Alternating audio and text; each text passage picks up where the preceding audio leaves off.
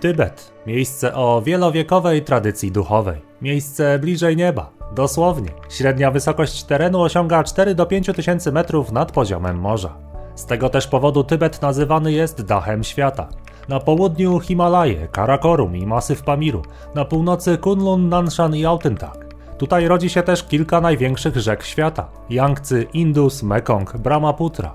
Góry upokarzają nas ludzi swoim bezlitosnym rozmachem, lecz przez to sprawiedliwie czynią nas silniejszymi. Słabość przekuwana jest w duchową siłę. To dlatego Tybet jest dla wielu osób miejscem medytacji, oddalenia, zajrzenia w głąb siebie. W XI wieku największy wpływ na duchowość Tybetu miał pochodzący z Indii mistrz Atisha, nazywany Atiszą trzykrotnie wielkim. Skąd takie imię? Posłuchajmy tej legendy, tej opowieści. Otóż Atisha był wyjątkowym nauczycielem duchowym, ponieważ pobierał nauki aż u trzech oświeconych mistrzów. Coś takiego po prostu się nie zdarza. W Indiach do osiągnięcia oświecenia wystarczy przecież pomoc jednego mistrza, a Atisha spędził wiele lat z aż trzema mistykami. Pierwszym z nich był Dharma Kirti, który powiedział: Nauczę cię pierwszej drogi. Jest to droga pustki. To ścieżka, którą obrał Buddha. Nie ma w niej miejsca dla Boga, nie ma w niej miejsca dla ludzi. Jest tylko nicość, jest nirwana. Po kilku latach Atisha nauczył się być pustym. Mistrz wysłał go zatem do drugiego nauczyciela, Dharma Rakshity. A ten powiedział: Rzeczywiście, stałeś się zupełnie pusty. Lecz trzymając się pustki, nie doznasz radości dzielenia się, prozy i poezji życia, muzyki, tańca, śpiewu. Twoja wolność jest wolnością od, a nie wolnością do. Bycie wolnym od to uboga wolność. Po kilku latach Atisha nauczył się współczucia, zrozumiał naturę ludzkiej słabości, lecz potrzebny był następny krok. I tak Dharma Rakshita wysłał Atiszę do trzeciego mistrza, do Yogina Maitreyi. Ten zaś powiedział: Stałeś się pusty i poznałeś współczucie. Lecz pora, abyś nauczył się miłości, czyli aktywnego obdarowywania współczuciem. Po kilku latach Atisha nauczył się zamieniać słabość w miłość, po czym opuścił trzeciego mistrza, przeszedł przez Himalaje do Tybetu, pozostawiając po sobie liczne traktaty duchowe. Oczywiście legenda Atiszy ma nie tylko znaczenie historyczne, lecz przede wszystkim metaforyczne. Otóż wojownik poeta, aby osiągnąć mądrość, musi poznać nie tylko samego siebie, nie tylko doświadczyć pustki na pustyni, by konceptualnie zrozumieć piękne, abstrakcyjne idee i dzięki nim nabrać inicjatywy. Życie oznacza także potrzebę zaakceptowania słabości w nas samych, zrodzenia współczucia wobec siebie i innych, czyli nauczenia się miłości, nauczenia się rozdawania siebie. Słabość. Nie akceptujemy jej, czasem wypieramy ją do odmętów nieświadomości, czasem projektujemy na innych. Nie chcemy jej oglądać ani nawet o niej słyszeć. Wstydzimy się, że jest w nas. Chcemy być silni, bo siła daje poczucie kontroli. Lecz kontrola to tylko iluzja naszego umysłu. Tak naprawdę wcale jej nie chcemy, tylko nie zdajemy sobie z tego sprawy. Niech nas o tym przekona Alan Watts, brytyjski pisarz, filozof, mówca. Przytoczę dla Was fragment najsłynniejszego chyba wykładu Alana Wattsa w moim przekładzie na język polski, no i rzecz jasna z użyciem mojego głosu. Natomiast link do oryginału, do słów wypowiadanych bezpośrednio przez autora w języku angielskim, znajdziecie w opisie filmu. Alan Watts zmarł w 1973 roku, ale na szczęście pozostawił po sobie nagrania audio własnych wykładów, no i liczne książki. A zatem posłuchajmy, na spokojnie, wolniej, starając się uruchomić wyobraźnię. Zastanawiam się, co byś zrobił, gdybyś każdej nocy miał możliwość śnić jakikolwiek wybrany przez ciebie sen. I oczywiście, jak to we śnie, miałbyś zmienione odczuwanie czasu. Mógłbyś codziennie przeżyć na przykład 75 lat subiektywnego czasu w ramach 8 godzin snu. Przypuszczam, że zacząłbyś od spełniania wszystkich swoich pragnień. Przygotowałbyś dla siebie najbardziej ekstatyczne życiorysy, romanse, bankiety, piękne kobiety, niesamowite podróże, ogrody, piękno przyrody, zapierająca dech w piersiach muzyka.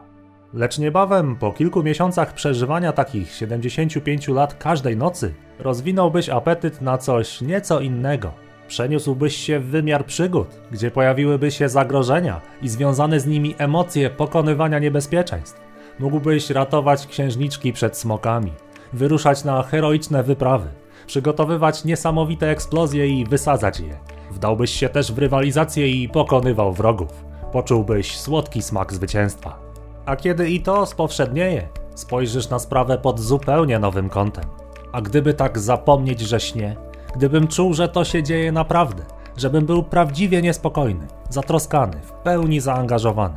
Obudzić się z takiego snu, uczucie powrotu do rzeczywistości byłoby wspaniałe. A następnie powiesz sobie, niczym dziecko, które lubi odkrywać i odważyć się na coś zupełnie nowego, zapytałbyś siebie, jak daleko mogę się posunąć. Jak wielkiego wymiaru zagubienia i odarcia z własnej mocy mogę doświadczyć i wytrzymać to? Mógłbyś o to zapytać, bo przecież zawsze w końcu się obudzisz a po dłuższym okresie dokonywania tego rodzaju eksploracji, być może odnalazłbyś samego siebie z całym bagażem doświadczeń, radości, ale i wysiłków, zmartwień, słuchającego tego podcastu. Jak możesz być pewien, że to właśnie teraz nie ma miejsca? Bo przecież gdybyś był Bogiem, w sensie całkowitej wiedzy o tym, co i kiedy się wydarzy, to po prostu byś się nudził. Rozważmy to jeszcze z takiej perspektywy. Wciąż jako ludzie rozwijamy technologię. Załóżmy, że udało nam się to uczynić do najdalszych możliwych granic. I zamiast telefonu na Twoim biurku znajduje się dużo bardziej zaawansowany system przycisków. Jedno dotknięcie, jeden wciśnięty klawisz daje Ci cokolwiek zechcesz. Prawdziwa lampa Alladyna. Ostatecznie musielibyśmy jednak wymyślić jeszcze jeden dodatkowy przycisk z napisem niespodzianka. Moment, w którym mamy totalną kontrolę nad wszystkim, Kontrolę tak wielką, że przyszłość jest niemal w 100% przewidywalna. Czym taka przyszłość różniłaby się wówczas od przeszłości? Skoro wiemy o niej wszystko, to nie jest to już przyszłość, no bo odczuliśmy już jej smak. Gdybyśmy wiedzieli, to nie byłaby już świeża, nie byłaby już zaskoczeniem. Tylko prawdziwa przyszłość jest niespodzianką. Więc gdybyś był Bogiem, wyobraź to sobie sobie, powiedziałbyś do siebie, człowieku, pogub się w tym. Ach, Piękny wykład Alana Wattsa, niesamowita siła przekazu. Kontrola, która wynika z chęci wykluczenia naszych słabości, z usunięcia w nas nawet śladu zagubienia, to iluzja. Jest taki piękny fragment w serialu Mr. Robot, kiedy Elliot rozmawia z Rayem właśnie na ten temat. I tutaj pozwólcie, że przytoczymy go w oryginale. Why did you start writing a journal in the first place?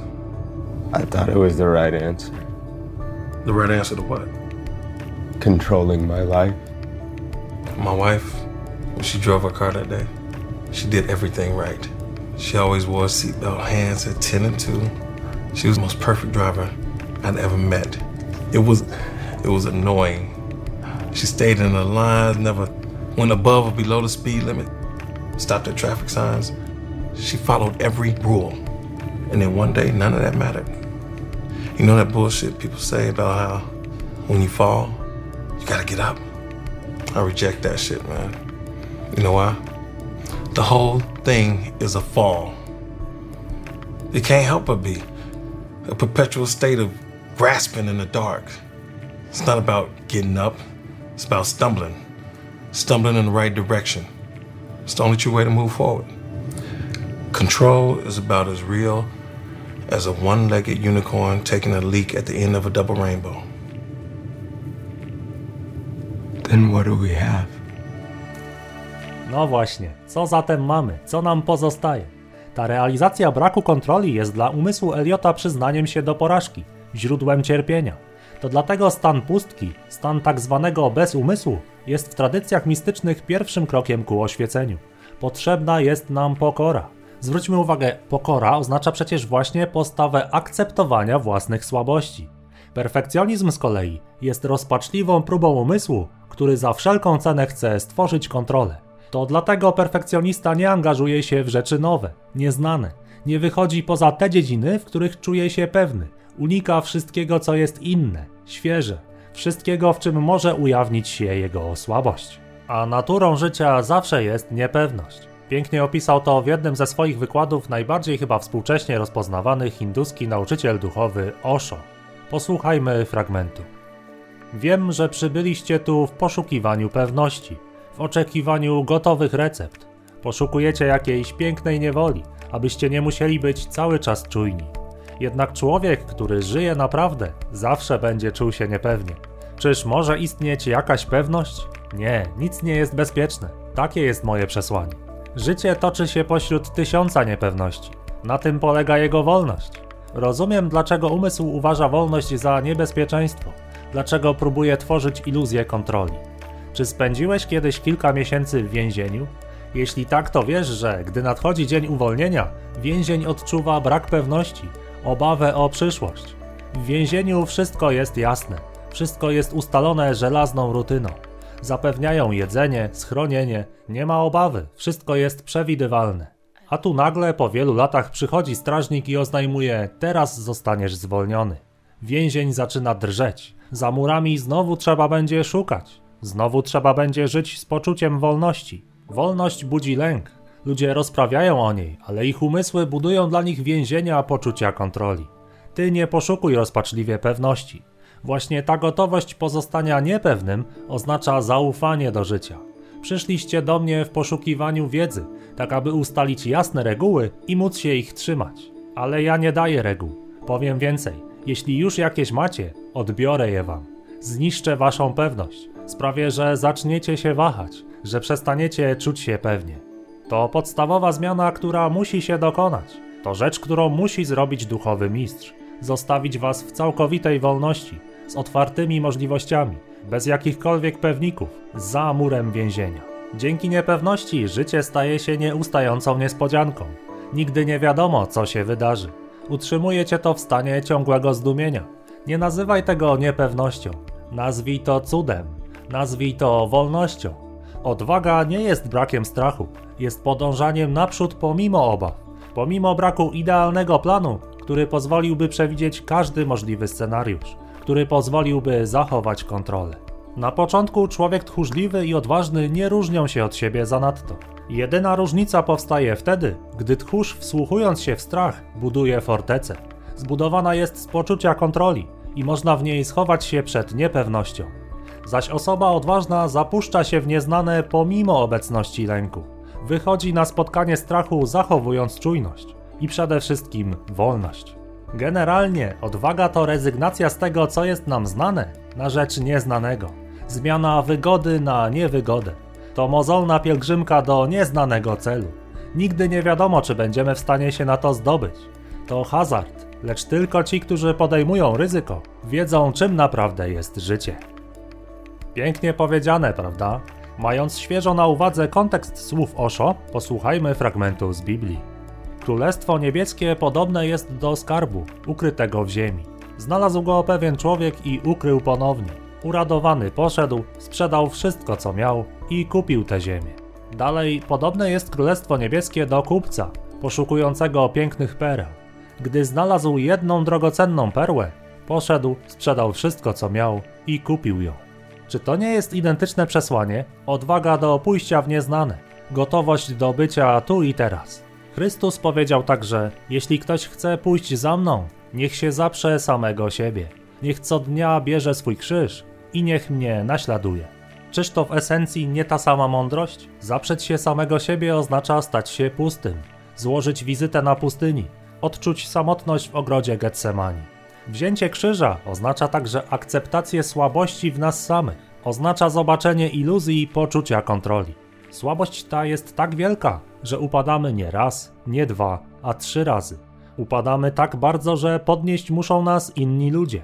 Naśladować Chrystusa oznacza nauczyć się miłości, rozdać siebie innym, jak Chrystus przejść przez życie dobrze czyniąc. Tradycje duchowe wielu kultur, wschodnich i zachodnich, przekazują nam tę samą prawdę o życiu człowieka. Ten sam dualizm strachu i miłości, odwagi i ukrycia, niepewności i rutyny, słabości i kontroli. Nie jest łatwo znaleźć mądrość, lecz codziennie przecież dokonujemy wyborów. Czas oddalenia, przemyślenia naszego własnego życia może nam pomóc przekuć słabość w duchową siłę. Już w pierwszym odcinku serii poznaliśmy ludzi, którzy z największej swojej słabości uczynili źródło największej siły. Tego życzę i Wam, i sobie. Niech ten moment refleksji okaże się owocny. Obyśmy przestali marzyć o tym, jak to kiedyś w przyszłości zmienimy to i tamto w naszym życiu. Weźmiemy się za siebie i od tej pory będziemy już tylko zwycięskimi wojownikami, którzy odcinają kupony rozkosznej kontroli. Takie pragnienie to iluzja naszego umysłu, to więzienie. Życie zawsze będzie niepewne, życie zawsze przygniecie nas krzyżem, czasem tak bardzo, że upadniemy pod jego ciężarem. Lecz właśnie ta niepewność i ta słabość uczy nas miłości. Bez tego nauczyciela, jakim jest życie, nie potrafilibyśmy kochać. Gdybym nawet znał wszystkie tajemnice, I posiadał wszelką wiedzę i moc tak wielką, że góry bym przenosił, a miłości bym nie miał, byłbym niczym. Gdy byłem dzieckiem, mówiłem jak dziecko, czułem jak dziecko, myślałem jak dziecko. Kiedy zaś stałem się mężem, wyzbyłem się tego, co dziecięce. Tak więc trwają wiara, nadzieja, miłość. Te trzy. Z nich zaś największa jest miłość.